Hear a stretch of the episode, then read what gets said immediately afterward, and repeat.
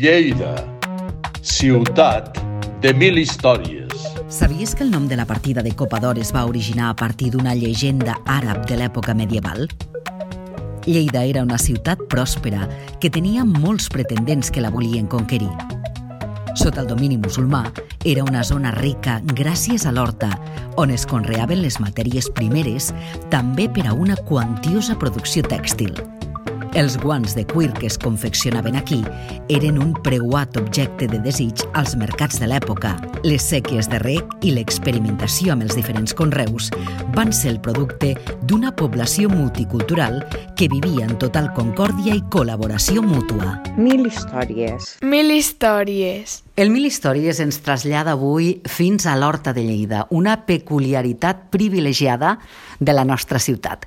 I si hi ha una persona que la coneix, se l'estima, l'ha estudiat, la busca, la investigue, la recull, la recopile, la divulgue.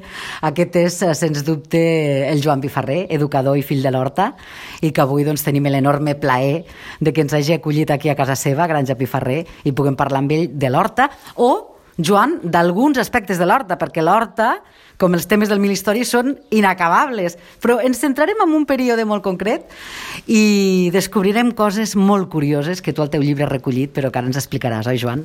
I tant, i tant, Gina. L'Horta, el, el que has dit tu, no ens l'acabaríem mai d'explicar històries de l'Horta, però sí que és veritat que, que hi ha aquest raconet d'història, que és el moment de la història àrab de, de l'Horta de Lleida, que és molt interessant perquè a part de tota l'agronomia que van aportar, hi ha també històries boniques que, que expliquen com la gent s'estima la nostra Horta de Lleida. Situem, doncs, en principi als eh, nostres oients una mica en quina època vols que ens traslladem i que ens eh, il·lustris una mica no? amb les paraules com era aquella horta en aquell moment, de diferent del que és ara, no? I quina imatge mental ens hem de fer per començar a conèixer aquestes anècdotes curioses, llegendes?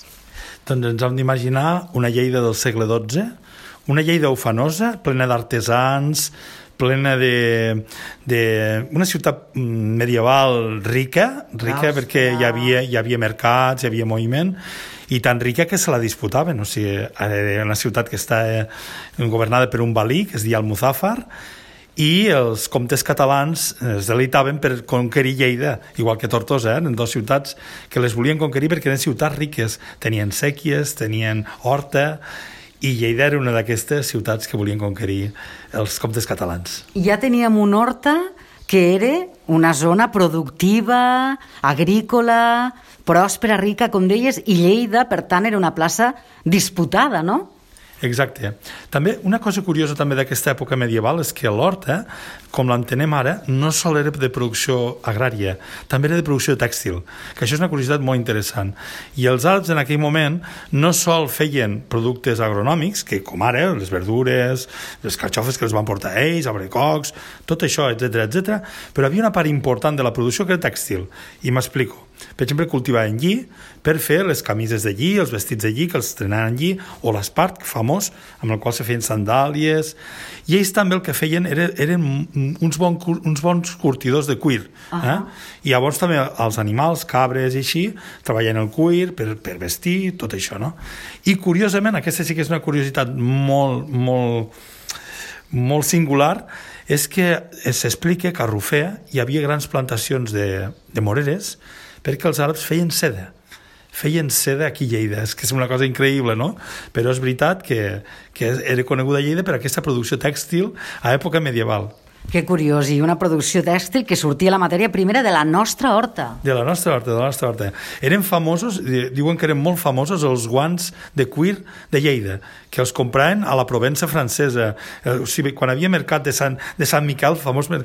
la, la Fira de Sant Miquel, que ja va ser donada al segle XIII, uh -huh. venia gent de tot el sud de França, de l'Aragó, de Castella, i els guants que es feien de cuir a, a Lleida, per la seva finura i el bon seu bon treball, doncs eren molt apreciats. Mil històries. Mil històries. Que curiós. Sí. Segur que molta gent això ho desconeixíem. Eh? Jo la primera, la veritat, és que el segle XII, Lleida, fixa't tu, situada tremendament al mapa i amb aquesta importància i rellevància.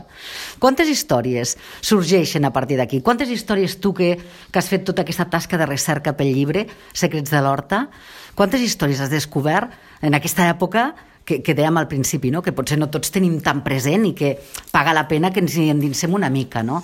Sí. Eh, De, de, de, de tot el que has trobat, explica'ns alguna d'aquestes històries que, que t'hagi copsat, que t'hagi sorprès...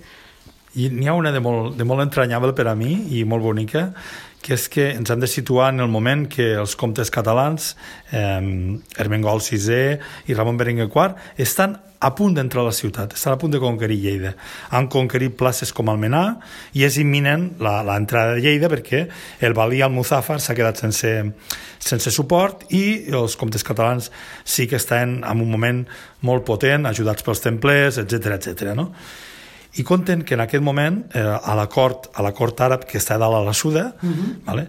una, la filla del Balí la filla del Balí va agafar una copa de safir una copa molt important que era de Damasc, amb safirs de Damasc que és l'origen d'en Beis eh? la zona de Síria i va sortir per la nit va sortir per un passadís sequet que donava al riu Segre i va anar, sortir a la part de Cap Pont i va anar baixant el riu avall, avall, avall, avall fins a la zona que actualment coneixem com a Copa d'Or i es coneix així perquè va ser allí, la llegenda diu que va ser per allí on ella va amagar va enterrar aquesta copa perquè no li prenguessin els comtes catalans ni els, per amb ella els, els invasors no? va tornar al castell els van, els van conquerir però la copa mai la van trobar no? i aquesta història dona, dona nom a una partida de Lleida que ara també és un barri eh? perquè la zona de Copa d'Or actualment està urbanitzada eh? Això t'anava a dir, qui no sàpigui d'on prové el nom de Copa d'Or, doncs aquest és l'origen, aquesta és la llegenda que explica exactament per què coneixem aquest barri com a Copa d'Or, zona avui d'expansió, però que en aquell segle doncs, va ser eh, l'indret on aquesta, aquesta noia doncs, va fer aquest enterrament d'aquest tresor familiar, no? Mm, perquè tot això emocionalment eh, eh, té molts significats, eh, Joan? Sí, té molts significats perquè, mm, com diem, eh, que enterri una copa en un lloc, eh, que la llegenda aquesta, que enterri una copa, vol dir que tu, primer, aquella terra no vols marxar, te l'estimes, i deixes com allò, aquell tresor el deixes allí a casa teva perquè algun dia vols tornar, no? I, I això explica molt, explica que els àrabs s'estimaven molt Lleida, no? I que se sentien lleidatans. De fet, els àrabs van estar quatre, quatre segles amb nosaltres, quatre, cinc segles amb nosaltres, vull dir, ells eren nascuts aquí i eren fills d'aquí, se sentien la terra molt com a seva, no? I això també és bonic d'explicar perquè nosaltres també formem part de tota aquesta amalgama de cultures que hem tingut a Lleida, no? I està bé reivindicar-ho com, com part de la nostra cultura, no? També. Clar, nosaltres som producte exactament doncs, de, de tot això que és la nostra història i la nostra evolució, no? O sigui, gent tremendament arrelada aquí, que estimaven aquesta terra i que, clar, i, i, i que com a tal, doncs, deixaven pertinences que abans dèiem eh, tu te l'hauries endut amb tu, no?, una cosa així. Mira, no hi ha, amb la llengua, en la cultura, hi ha una cosa molt bonica que és la poesia, que la poesia és la, la, la forma més bella que tenim les persones de comunicar com estimem les coses, no? I voldria compartir amb vosaltres, eh, voldria compartir un poema que em va caure les mans, eh, que el va recollir el catedràtic Jaume Pont en un dels seus llibres, i que és un poema del segle XII d'un àrab que, que era, de, era lleidatà. I deixeu-me'l compartir perquè el, el trobo un poema molt bonic, no? Diu, quan abatut arribis a Lleida la llunyana, la Medina capdalt d'Al-Jafar, gaudiràs al punt del goig inefable dels amants. Beure l'aigua deleitosa del seu riu d'ones agitades, feliç i ressonant entre les ribes. És com a veure els llavis en la meva intimat, quan acluca les parpelles. Al-Maquic Riz, segle XII. Doncs deixar-hi tresors com aquells i dedicar-li paraules com aquestes dona la mesura de que realment no, l'estima i la vinculació doncs era importantíssima. era importantíssima. Penseu que hi ha una, una anècdota també que és molt bonica d'explicar, que és que mm, la població àrab que vivia a Lleida, a la Lleida medieval, estava integrada a la ciutat eh, com a barri, eh, treballant.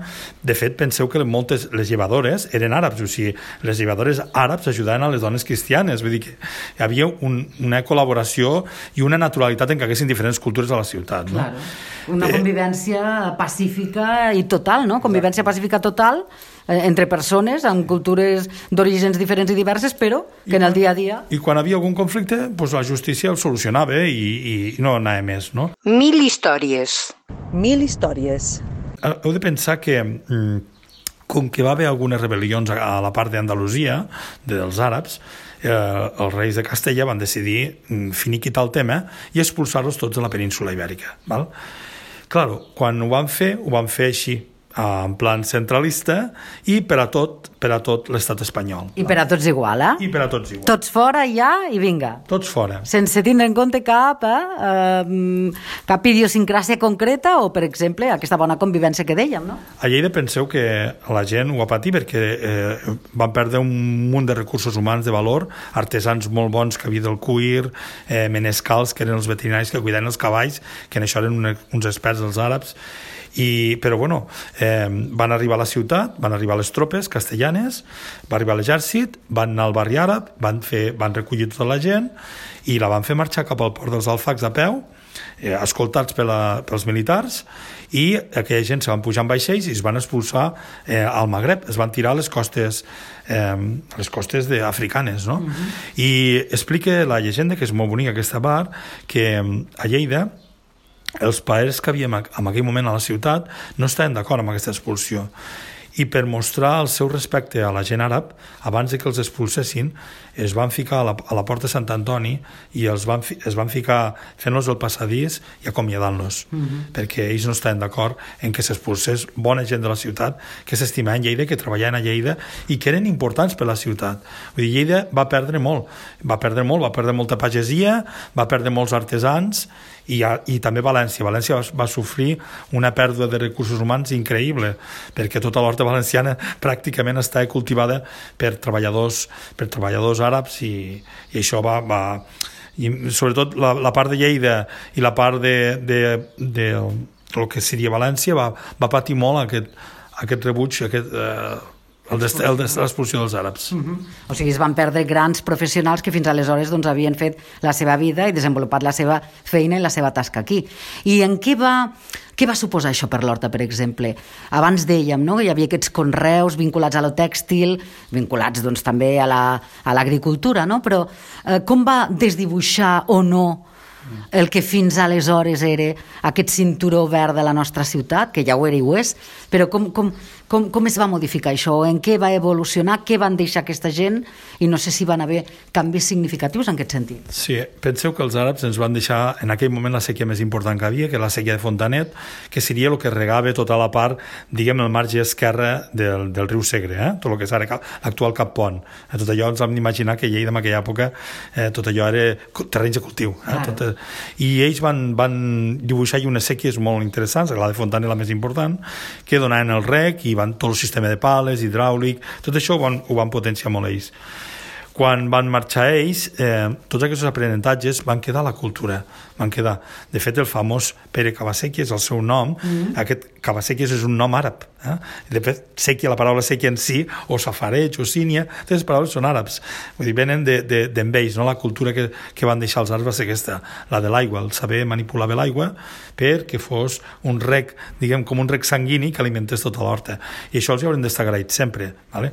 A part de tota la part agronòmica, ells eren gent que provaven els cultius, provaven si... Jo, això no ho sabem, no està escrit, però jo sempre faig la broma a casa nostra, nosaltres vam plantar un llimoner a l'hort i, i l'estem salvant, no? Produeix llimons, però cada hivern l'hem de tapar i ens costa molt. I dic, és que estic segur que els àrabs van intentar ficar llimoners i taronges a Lleida, però clar, les boires i de les gelades antigues eh, les devien matar tot. Clar. Però que ho van provar segur, perquè eren uns grans agrònoms i provaven tots els cultius que podien, a veure si prosperaven, si no, feien planters, feien híbrids, i vull dir que aquesta cultura sí que es va quedar i és la cultura que ens hem enriquit, no? Uh -huh. I a partir d'aquí, doncs, eh, va seguir la seva evolució, però clar, es van perdre, per exemple, aquells conreus que hi havia d'aquestes matèries, de, No, perquè- de la seda, tot això que dèiem? No, perquè també hi ha una cosa també que és que el que va passar també és que algunes famílies àrabs van poder quedar-se fent una, una petita trampa. Quina, Joan, explica'ns. Alguns es van quedar, doncs. Sí, es van quedar perquè, per exemple, havia, havia gent cristiana que s'havia casat amb alguna noia àrab, diguem, i de fet els, els, els àrabs veien que la cosa anava mal, a malament, no trobaven malament que les seves filles es casessin amb cristians, perquè llavors representava que estaven salvades i es podien quedar per sempre aquí a Lleida. Clar. Per tant, en les nostres venes, segurament, molta gent que no ho sabem, hem tingut alguna revesàvia o... No, no, revesàvia no, molt més, eh? Tatara, ta, en castellà que diuen tatarabuela... Ta, Pues, ta, ta, ta, ta, ta, ta, ta, enrere. Potser alguns de nosaltres hem tingut alguna tatarabuela que era, que era àrab i no ho sabem. De fet, a vegades veus la gent, jo tinc un cosí que és, que és molt moreno de pell i sempre li fem, i li fem tu, tu, ets, tu ets marroquí, no sé, li fem en broma, eh? Li, Clar, clar, clar. Però Però no aneu tan desencertats perquè possiblement el que dius, no? possiblement familiars nostres o nosaltres mateixos i no ho sabem, potser tenim ADN, algun ADN de- de- d'aquests d'aquests avantpassats nostres que van viure aquí. Clar, si algunes pers- persones es van poder quedar, doncs lògicament això... Eh? Casant-se, casant-se amb, amb cristians i així. Mil històries. Mil històries. I totes aquestes històries que ens expliques, eh, Joan, eh, són de segles enrere, eh? són de molts segles enrere, fa molt temps, però encara avui en dia, encara avui en dia, aquella reminiscència i aquella estima perdura, no? Explica'ns com avui en dia encara per aquestes coses de que diem, no? De vegades eh, forces que no sabem, no? O mm, com és possible? El món és un mocador i on menys tu penses o quan menys tu penses apareix com una escletxa de màgia que dius, com és possible? Hi ha encara històries molt curioses que podem explicar per veure aquesta importantíssima vinculació? Doncs hi ha una anècdota que, que explica molt aquesta estima cap a Lleida dels àrabs, que és que, i és molt, és molt bonica, molt entranyable, i és un amic meu que, que abans era mosso d'esquadra, ara té una altra ocupació, el Joan Ramon, em va explicar que per la feina va fer un curset de cultura àrab, ¿vale? i la formadora, que era lleidatana, era una noia que sovint anava al Marroc per aprendre diferents dialectes del, de l'àrab i, i també pues, per formar-se i tot això, no? I aquesta noia, aquesta noia un dia està eh, a, en un carrer, que està en, com en un porxo, i està emprenent té, i està amb uns homes grans, uns, uns, uns avis, que eren marroquins, no? Clar. I li van preguntar d'on era, i conversant, com que ja parlava molt bé l'àrab, els va explicar que era de Lleida. Quan va dir que era de Lleida, un dels padrins va, va pegar un bot i va marxar corrent. I es va quedar, què li ha passat a aquest home? Va marxar corrent. Al cap de 5 minuts apareix amb una clau antiga, una clau gran de ferro d'aquestes pesades que es poden agafar la mà i sobreclau per baix i per dalt i li va dir, es va sentar i mig plorant li va dir, aquesta clau és d'una casa meva de Lleida, de la meva família. La meva família vivia a Lleida, eren al Leridí, eren de Lleida, no? I penses, que increïble, se'm fica la pell de gallina de pensar que aquell, la família d'aquell home eren d'aquells deportats de, seg de segles i segles que havien guardat, havien donat la clau als seus fills dient guardeu-la que és de la nostra casa de Lleida, perquè nosaltres érem de Lleida, no? I això em sembla preciós, preciós, quasi poètic, no? De dir que, que en aquell moment no no, no es va portar bé la cultura que havia, o que havia, amb aquesta gent que era bona gent i eren gent treballadora, eren gent treballadora. Com actualment, que hi ha gent àrab que viuen a Lleida i són gent treballadora i que ens ajuden i que compartim la, la vida que hem de compartir, no? I, bueno, a mi em fa pensar molt aquestes coses. Me, me, me, me porten a un terreny de reflexió sobre com hem de com hem d'acollir, com hem de viure amb la gent, no? Em fa pensar, em fa pensar.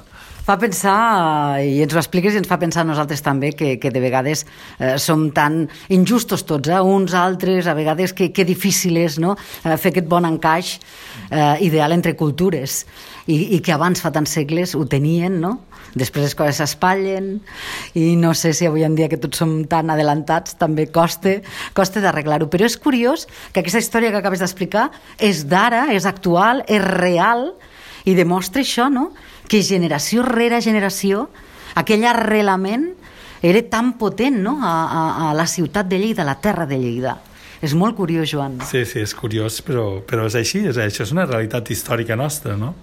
Després també, hi ha una, també deixa'm explicar una anècdota que aquesta és més graciosa, no és tan profunda, potser, i és que quan a, quan a la Guerra Civil va haver...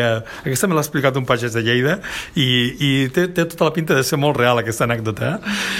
Quan havia el front al riu Segre, o sigui, van arribar els nacionals aquí a Lleida per la part de l'Aragó, per la part de Ponent, i es va conquerir la ciutat, eh?